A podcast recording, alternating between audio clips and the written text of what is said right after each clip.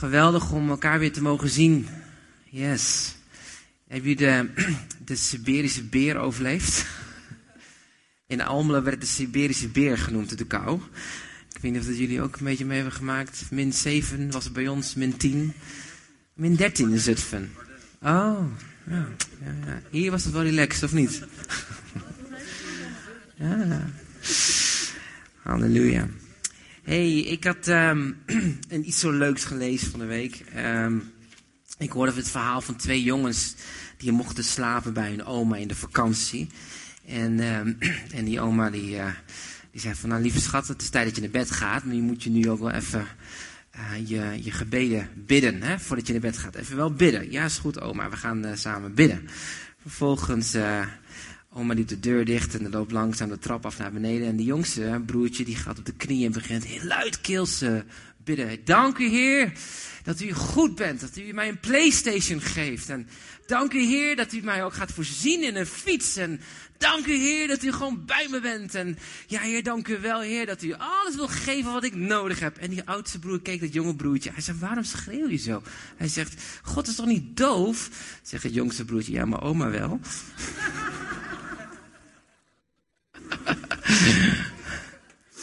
Amen. God is niet doof, maar oma wel. Maar gelukkig is God ook niet vergeetachtig. 2 Koningen 6. Gaan we even naar een aantal teksten lezen. 2 Koningen 6, vers 14.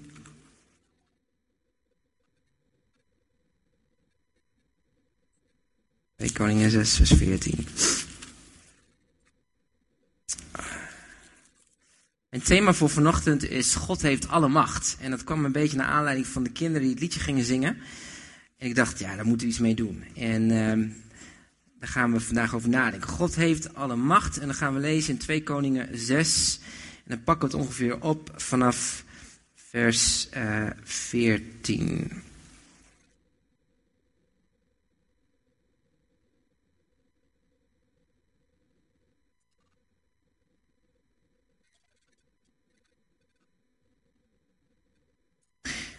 Toen stuurde hij daar paarden en strijdwagens heen en een groot leger. Die kwamen s'nachts en omsingelden de stad.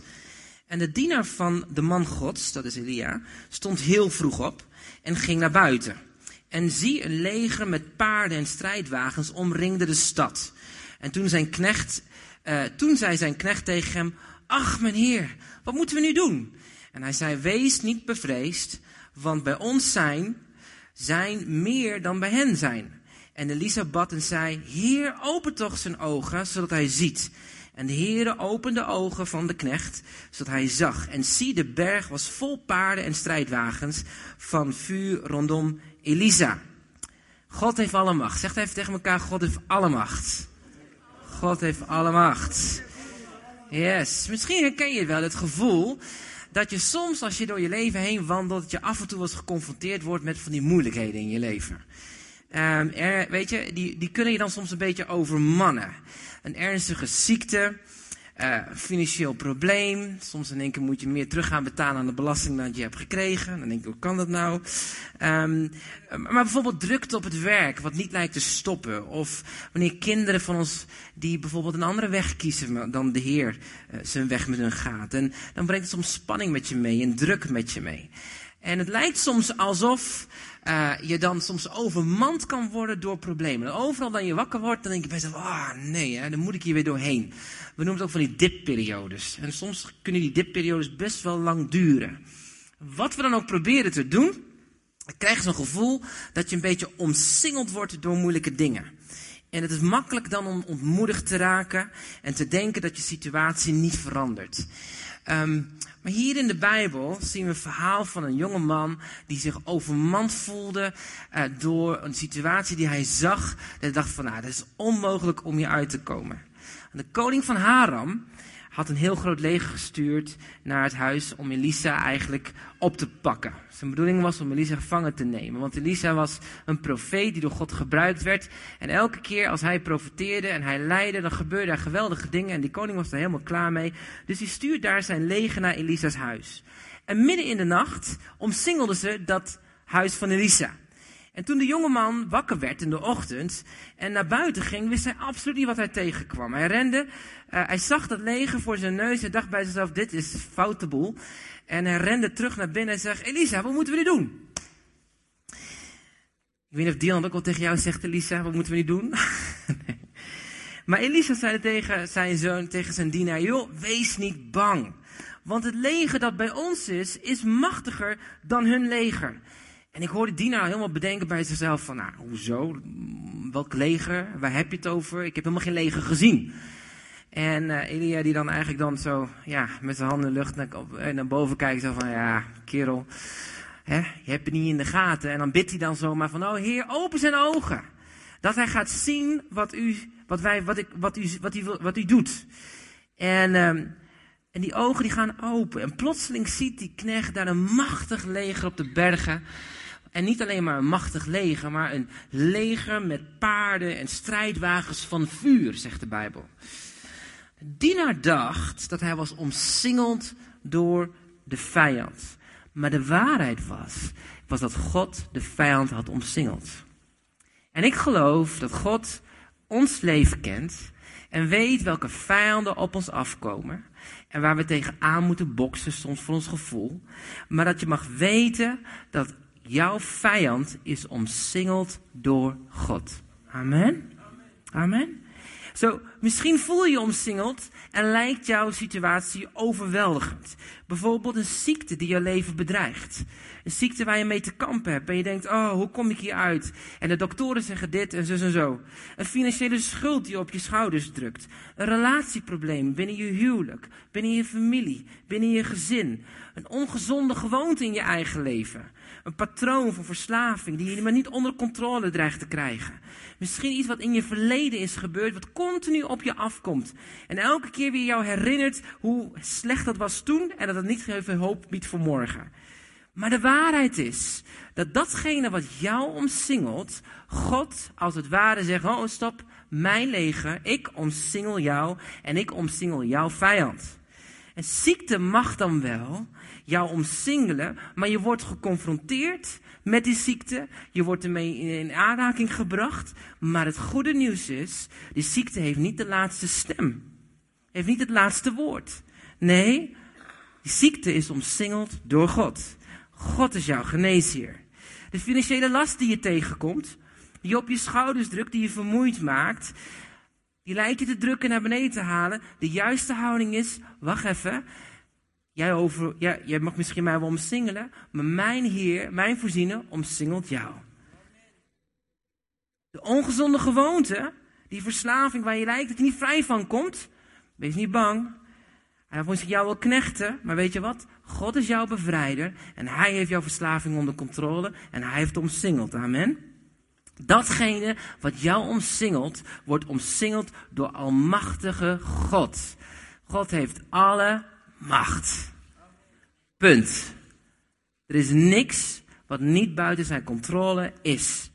En wanneer we beseffen dat God omsingelt datgene wat ons omsingelt, dan zullen we net als Elisa wandelen met een rustig hart. Dan zullen we wandelen in vrede. Dan is datgene wat in ons hoofd afspeelt, in onze emoties door elkaar geschud worden, dat wordt allemaal tot bedaren gebracht. Want je komt tot de conclusie, is maar één iemand die alle macht heeft en dat is de Heer. En hij zal niet toestaan dat wij bovenmenselijk verzocht worden. Want hij biedt ook de uitkomst. En hij omringt ons, datgene wat om ons omringt, hij omringt dat. En die vijand die wordt verslagen. Maar wanneer we onze omstandigheden gaan bekijken met natuurlijke ogen, dan maken die omstandigheden heel vaak indruk op ons. Uh, een soort overweldigend gevoel. En we varen dan strijd. Herken je dat? Oh, ik voel je zo'n strijd. Dan gaat je gevoel, je emotie alle kanten op. En dan hoor je, hoe gaat het met je broeders? zus? Ja, ik heb een beetje strijd. En uh, hoe lang je erin zit, hoe meer strijd je ervaart. Um, en hoe hard we dan ook tegenaan gaan vechten, want je hebt natuurlijk allemaal ABC'tjes geleerd in de kerk. Ja, meer bidden, meer vasten, meer tiende, meer zus, meer zo. Hoe meer die, en dat gaat maar niet over, hoe harder die strijd wordt, hoe meer je, je denkt, ja jongens, schiet het nog wel eens op. Want die situatie die probeer je dan te redden door goede te doen. En dan raak je uiteindelijk gestrest. Uh, je raakt vermoeid. Je raakt zelfs teleurgesteld. En voor je het weet, voel je slachtoffer. En als je niet oppast, ga je zelfs iemand anders kwalijk nemen voor het feit waar je nu in zit. Dat noemen ze driehoek van, uh, uh, van klagen, noemen ze dat. Eerst probeer je te redden, dan voel je slachtoffer en dan ga je de ander kwalijk nemen voor waar je in terecht bent gekomen. Maar we mogen beseffen dat er een hele andere dimensie is die met zich meespeelt. En Elia bad dat de dienaar van God, of die, zijn dienaar, zijn dienstknecht, de ogen geopend zouden worden, zodat hij zou zien wat er achter de schermen gebeurt. En als God vandaag onze ogen zou openen voor wat er achter de schermen gebeurt in die geestelijke dimensie, waarin wij ook leven, dan zul je tot ontdekking komen dat er is één God die alle macht heeft. Amen? Alle macht. Echt alle macht. Uh, hallo, alle macht. Word even wakker. Alle macht. Hij heeft het onder zijn duim. Er is niks wat hem gebeurt en het is onder zijn duim. God heeft echt alle macht. En als je dan zou kijken in die geestelijke wereld, dan mag je gaan ontdekken dat God achter de schermen bezig is met jouw leven. Hij zet de juiste dingen in werking. Hij plaatst de dingen die, uh, uh, op je pad die noodzakelijk zijn voor jou. Hij opent de deuren die open, geopend moeten worden. En hij sluit de deuren die gesloten moeten worden. Um, God plaatst mensen in je leven om je verder te helpen. En hij verwijdert mensen die je eigenlijk een beetje verhinderen om te gaan lopen in datgene wat God voor je heeft. God is achter de schermen in jouw leven bezig. Het feit dat je hier zit en dat je niet met je auto gespind bent van de snelweg af en tegen een boom aangeknald bent, is omdat de Heer achter de schermen zijn engelen wachten om je zet terwijl je met 140 op de snelweg rijdt. God heeft alle macht. En zijn liefde en trouw zo intiem, wat we het ook gevierd hebben met avondmaal, is zo intiem dat hij in zijn liefde ons wil beschermen en ons wil leiden op die weg die, hij mag, die wij mogen gaan met hem. Hij is zo intiem betrokken dat hij weet al tien stappen vooruit wat jij nodig hebt. En het mooie is, hij werkt ons daar naartoe in zijn liefde. De Bijbel zegt ook in Psalmen dat de, de, de stappen van de rechtvaardigen, die zijn door de Here geplaatst. En wij mogen wandelen in zijn wegen zonder angst. Zonder angst.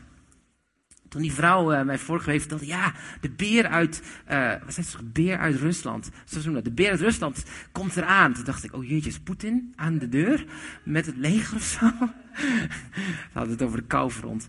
Maar uh, je, je kan je zorgen maken over allerlei dingen. Maar als je beseft wie het is die jou leidt, wie het is die achter de schermen jouw leven aan de gang is, en die alle macht heeft en zijn duim alles onder controle heeft, hoef je niet bang te zijn.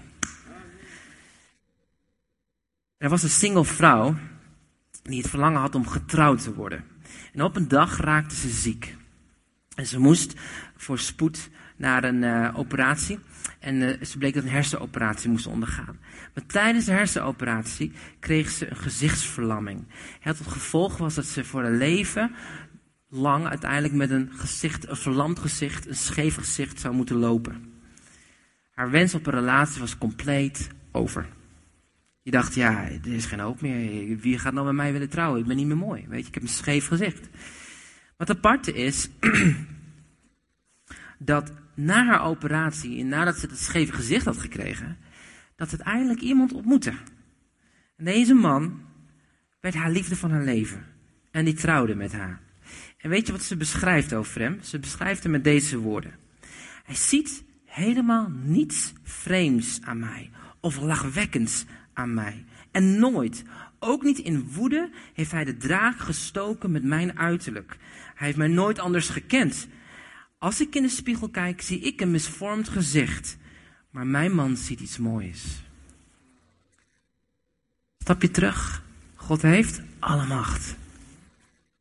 En zelfs wanneer je door moeilijke dingen heen gaat, draait God dingen om ten goede voor ons. Amen. De Bijbel zegt in, eh, Romeinen 8, vers 21, God laat alles meewerken. Echt serieus, alles meewerken voor wie hem liefhebben. Weet je, God is zo'n master in situaties veranderen, omdraaien, bewegen, opgooien. Omdat hij weet waar jij bent en hij weet wat jij nodig hebt. En hij is vol liefde om het beste in jou naar boven te halen en jou te brengen op de plek waar hij je wil hebben. Niks is onmogelijk voor God. Maar weet je, er zijn ook mensen die geloven dat God, ja, is heel machtig en sterk. Maar Satan is ook heel machtig en sterk. En die, die denken dan dat Satan bijna even sterk is als de Heer. Ja, echt. Want ja, nee, dan moeten we echt heel hard ons best doen en bidden. En want wat, wat wij dan doen, ja, dat, dat, dat is net een soort weegschaal. Ja, wat wij dan inleggen in die strijd, dan misschien dat het dan onze goede kant op flipt. Hoezo? God heeft alle macht. Er is niks boven hem. En hij is in controle. Ook Satan heeft hij in controle. En uh, daarom is het zo belangrijk dat we niet proberen om die omstandigheden uit eigen macht te gaan proberen veranderen. Want dat maakt dat je weer gestrest raakt. Dat maakt dat je vermoeid wordt. Dat maakt dat je weer teleurgesteld raakt. En voor het weet in de gaten, je in de gaten hebt, voel je je weer slachtoffer. En als je slachtoffer wordt, dan ga je weer de ander verwijten. En zo is het cirkeltje weer rond. Maar de sleutel ligt niet zozeer in wat wij meer moeten doen. De sleutel ligt in het feit dat wij minder moeten gaan doen. Minder. God minder. De waarheid is, God heeft alle macht. Niet een klein beetje, niet evenredig aan Satan. Nee, Satan is en blijft verslagen door het kruis wat wij vandaag gevierd hebben. Amen. Uh, er is niemand zo machtig als onze Heer. Geen vijand zo sterk als Hij.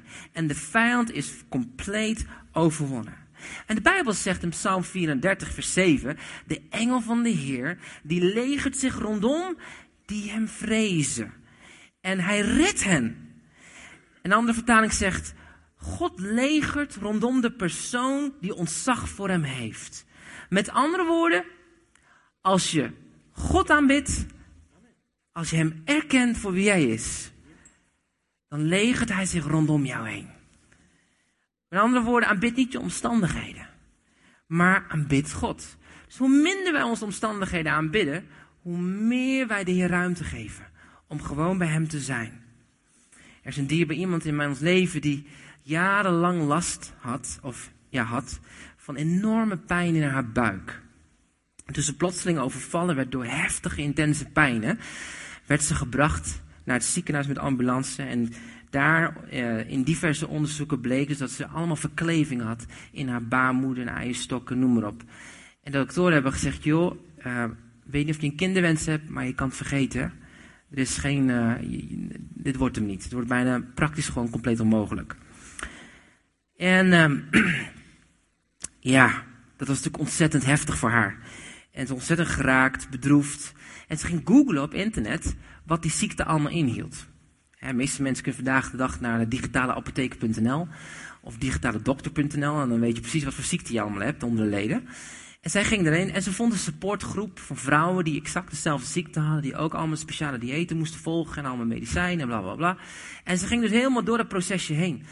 En uh, in het supportgroepje kwam ze gauw genoeg achter dat deze vrouwen eigenlijk zichzelf met die ziekte aan het identificeren waren. Ze waren aan het vereenzelvigen met die ziekte. De ziekte werd die vrouwen en die vrouwen werd de ziekte.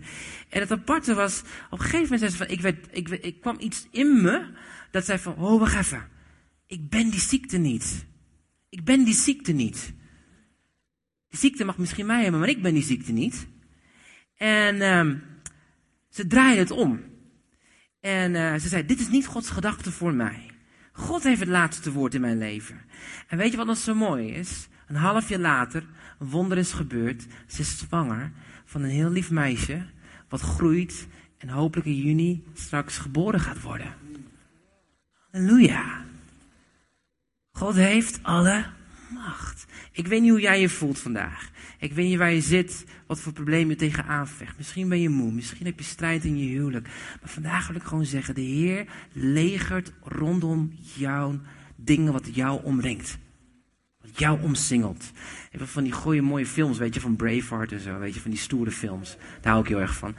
En dan hebben die kastelen omringd. Hè. Er komt zo'n leger aan en die gaat zo'n kasteel. En die denkt, nou weet je wat, na vier maanden is iedereen uitgehongerd in die stad, dan kunnen we zo in. Na vier maanden proberen ze te en dan komen ze tot ontdekking dat niemand in die stad is. waar is iedereen gebleven? Draaien ze om, zien ze dat het leger rondom hen is gaan scharen. Oeps. En zo is het ook zo. Satan denkt dat hij jou omringt. Maar weet je wat? God heeft hem al lang omringd. En hij is verslagen. En jij bent vrij. Amen. Als we minder ontzag hebben voor onze problemen en meer ontzag hebben voor God, dan wandelen we in die bovennatuurlijke vrede. En no matter wat ons op pad komt, God omsingelt datgene wat ons omsingelt. En nu hoor ik als sommigen zeggen, nou John, mijn leven is dat echt niet gebeurd hoor. Ik heb geen wonder ervaren. Wij werden niet zwanger. Ik zit nog steeds in de schuldhulpverlening. Mijn echtgenoot is gestorven. Hoezo? Heeft God dan mijn vijand omsingeld? Juist wanneer je door fases gaat in je leven van beproeving. Wanneer alles lijkt tegen te gaan en alles van je afgenomen wordt, belooft God dat Hij er altijd zal zijn. Wat ook de uitkomst is van die beproeving, zijn genade helpt je er doorheen. God is trouw. Jezus zei dat we in deze wereld pijn zouden ervaren. Dat we vervolging zouden gaan meemaken. Maar dat we de moed moesten vasthouden. En niet zouden moeten opgeven. Want Hij heeft de wereld overwonnen. En Hij belooft dat Hij er altijd zal zijn. Amen. Zes jaar geleden, ongeveer zeven jaar geleden. Toen uh, um, wist ik dat Tamara zwanger was van onze derde. En um, misschien heb ik het al verteld, maar ik weet nog heel goed dat ik uh, naar Zuid-Afrika was en ze was, uh, denk ik, acht, negen we weken zwanger. En ik zou terugkomen en dan terugkomen zou ik onze ouders vertellen. En in de nacht dat ik terugvloog uit Hongkong, toen, werd ik, toen um, zat ik in de vliegtuig en ik kreeg een heel raar gevoel van binnen. Wat is het toch? Wat is raar iets. En ik kom aanlopen op het vliegveld en mijn vader komt me ophalen. Hij zegt, John, je moet Tamara bellen. Er is iets is mis met de baby. Toen dacht ik, oh, wacht even. Hè? Jij weet al niet dat wij zwanger zijn. Hoe weet jij dat? En toen wist ik gelijk wat er aan de hand was. En ik, uh, ik bel daarop in de auto. Ik zeg, goh, is er aan de hand, schat? Jij zegt ze, ik ben gaan bloeden. Ik denk dat, ik het, uh, dat we een miskraam hebben. Ik zeg, oh. Ik was helemaal shocked. En ik denk, oké, okay, heer. Ik stapte in de auto. Het was uh, januari. en ik reed vanuit Düsseldorf. En het was grauwig. En er was in één keer een, een mega regenboog. En toen wist ik dat de Heer, en het was letterlijk de Heer zei, ik ben trouw, vertrouw je me. Wat er ook gebeurt, vertrouw je me. En ik zei, Heer, ik geloof dat u erbij bent. En dat u dwars de omstandigheden er gewoon bent. Ik vertrouw u, Heer, wat er ook gebeurt. Nou, ging naar huis, miskraam was, uh, ja, bleek toch wel heftig, toch serieuze miskraam te zijn. Maar goed, um, ze moest naar de dokter een paar keer voor controle. En toen bleek dus dat ze in één keer weer wel zwanger was. Dus we gingen van dood naar leven. Wow, Oké, okay, een wonder. Goed, wij weer naar het ziekenhuis. En toen, nee, de baarmoeder was toch leeg. Misschien is het buitenbaarmoedelijk. Dus je gaat door een hele stadia heen. Uiteindelijk, na anderhalf week, kwamen we erachter dat ze dus inderdaad een miskraam had gehad. Een hele heftige tijd voor Tamar. We zaten midden in de fase dat we beslissingen aan nemen waren voor onze toekomst. We zouden verhuizen uit Heidelberg naar Almelo. En ik weet nog heel goed, oké, ik snap er allemaal niks van waarom dit gebeurt. Maar ik weet, u bent trouw, u bent bij ons en u wandelt hier met, ik vertrouw u. Goed, vijf jaar later gaan we weer door een hele moeilijke periode heen. Echt een moeilijke periode heen, ook in onze gemeente. Met heel veel verdriet hebben we daar afscheid moeten nemen. Niet van een van de dingen die we dat wilden doen. Goed, en de gemeente ging door een crisis en alles erop en eraan. Dat was echt een drama. En op een gegeven moment uh, weet ik nog heel goed dat ik zo gebroken was. Ik zei, ik kan niet meer. Ik ben op. Ik, ik trek het niet meer. Ik, wat is dit? En um, een gegeven moment werd ik wakker. En mijn dochter, Jessie, die net hadden horen rappen, die uh, sliep op een hoogslaper in ons huis. En uh, we kwamen naar boven en in één keer eh, zag ik dus op, die, op het plafond, dus dat is als een soort Michelangelo, heeft ze een tekening gemaakt van een regenboog. En er stond een groot poppetje ernaast en dat poppetje was een klein poppetje. Ik zei, wie is die kleine poppetje? Dat ben jij, pap. En wie is je grote pop? Dat is God. Die heeft alle macht. En een regenboog. In die vijf jaar was het de meest heftigste van ons leven. Up en down, persoonlijk, in, van alles meegemaakt. Maar die regenboog toen, en die regenboog op dat moment, herinner me eraan dat de Heer alles onder controle heeft. Hij zei toen, vertrouw je me als het je leidt. Ik zei toen heel, ja heer, ik vertrouw u, niet wetende wat er allemaal op ons af zou komen. Zou ik het allemaal anders willen gezien hebben? Ja, helemaal. Ik zou er niet meer doorheen willen. Maar tegelijkertijd heb ik zoveel lessen geleerd door het feit dat God alle macht heeft.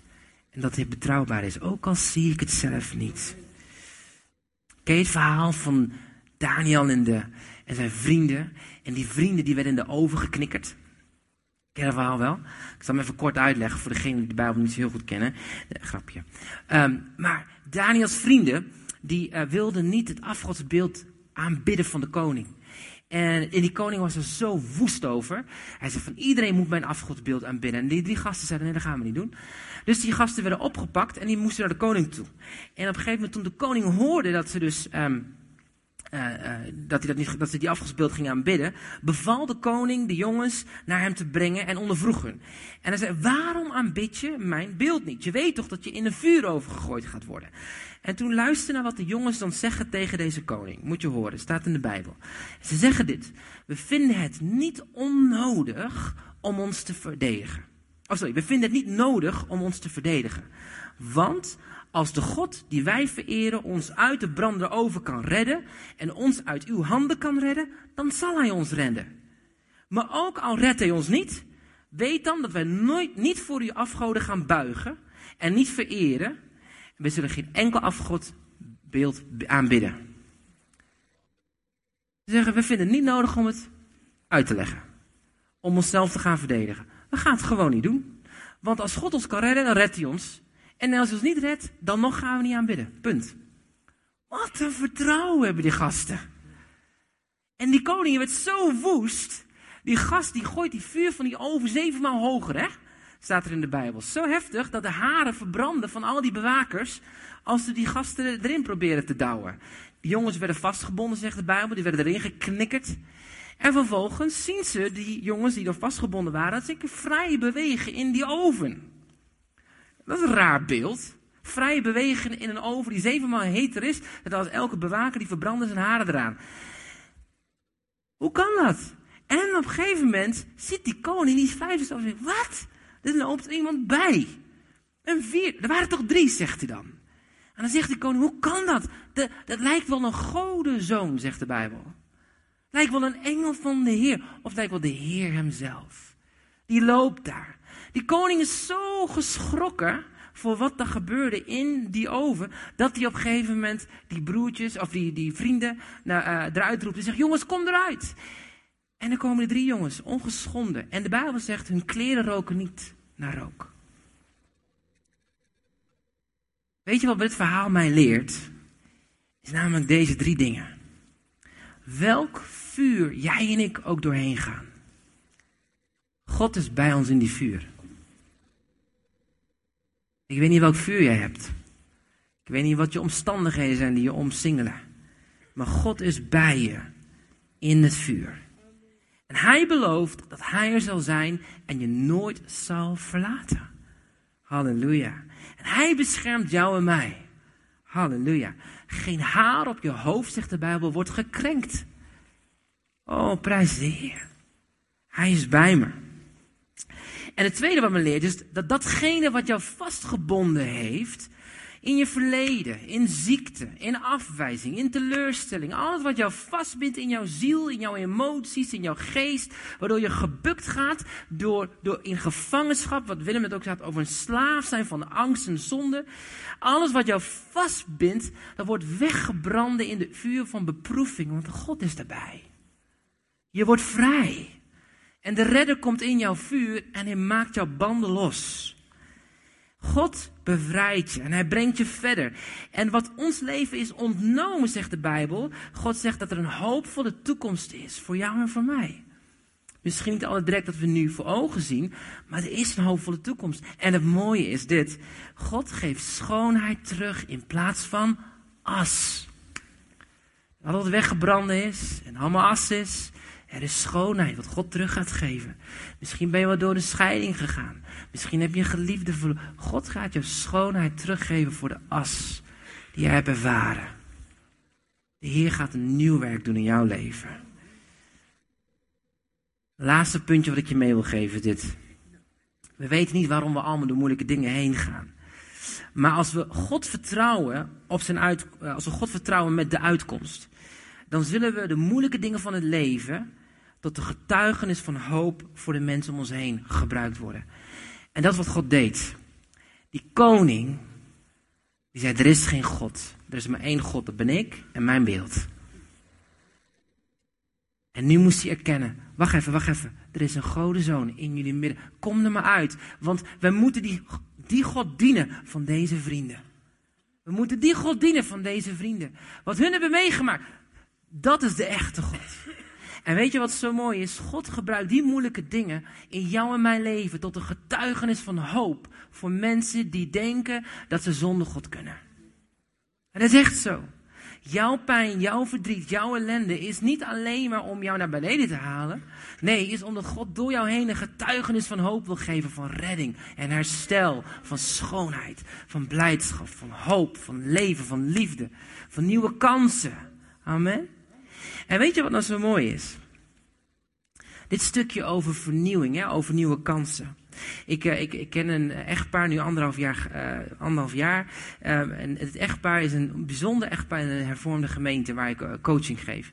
En deze, dit echtpaar die hebben ongeveer drie, vier jaar geleden iets heel heftigs meegemaakt.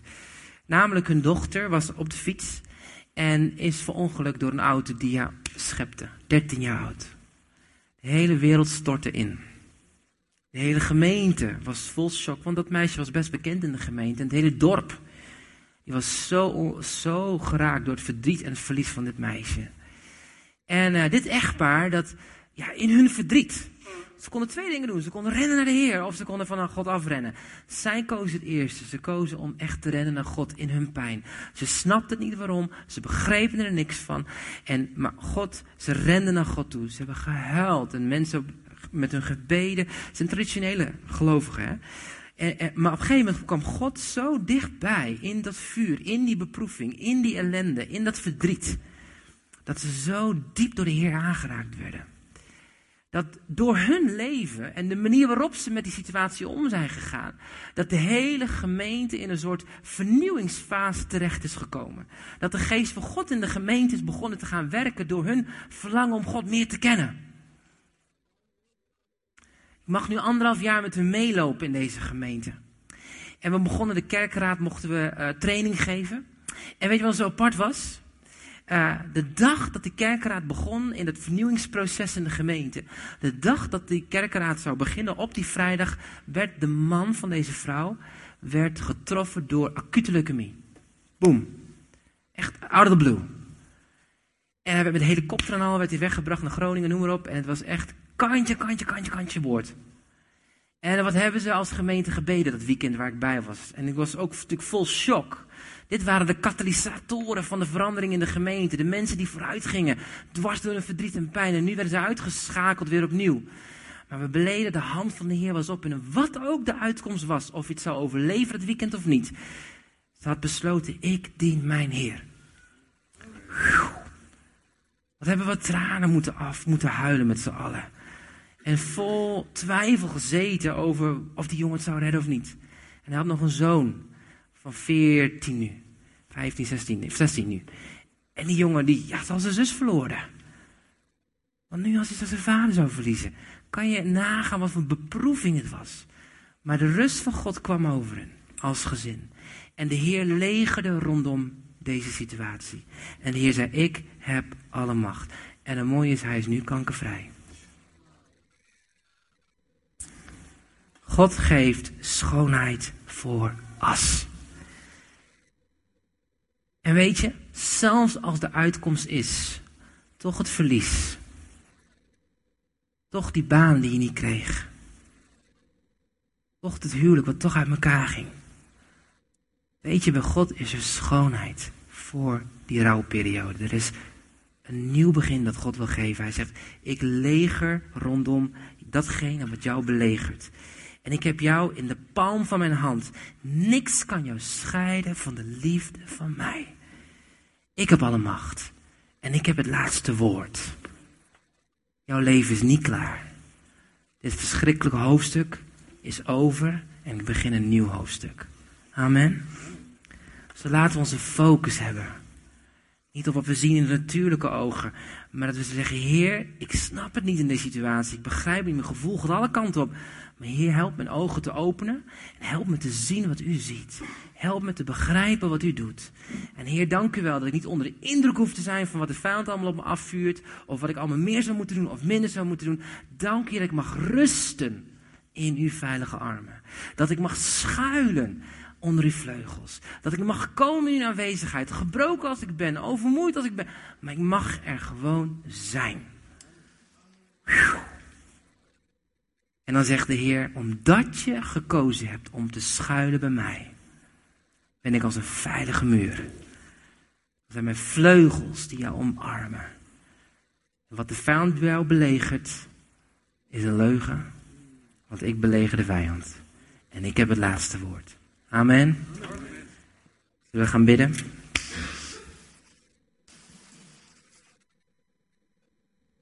Ik wil je gewoon vragen, is er iets wat in je hart leeft? Dat je zegt van ja, ik heb een omstandigheid op dit moment waar ik gewoon niet uitkomt. Het voelt alsof een soort belegering de afgelopen weken, misschien maanden. Misschien vecht je al tegen een bepaalde depressie aan. Misschien dingen in je huwelijk waar je zegt, ah, oh, dit, dit, dit, ik kom er niet doorheen. Wil ik je gewoon vragen op dat stukje wat, wat jou belegert, wat jou omsingelt in jouw geest, in jouw ziel. Dan, dan wil ik je vragen om het gewoon als het ware in je handen te leggen. Gewoon denkbeeldig. En dan zeg ik, Heer Jezus, hier is mijn strijd. Hier is datgene wat mij benauwt. En dan mogen we ook, net wat het woord van God ook zegt, dat in mijn benauwdheid riep ik de Heer aan. En dan zegt Psalm, zegt dan, en hij stelde mij in de ruimte. En God zegt vandaag, ik wil die benauwdheid die in jouw leven is, wil ik weghalen van je. En ik wil je in de, in de, in de ruimte brengen. De ruimte omdat ik de vijand heb overwonnen. En ik heb belegerd datgene wat jou belegerd heeft. Ze zullen jou niet kunnen raken. Breng hem mij, Jezus.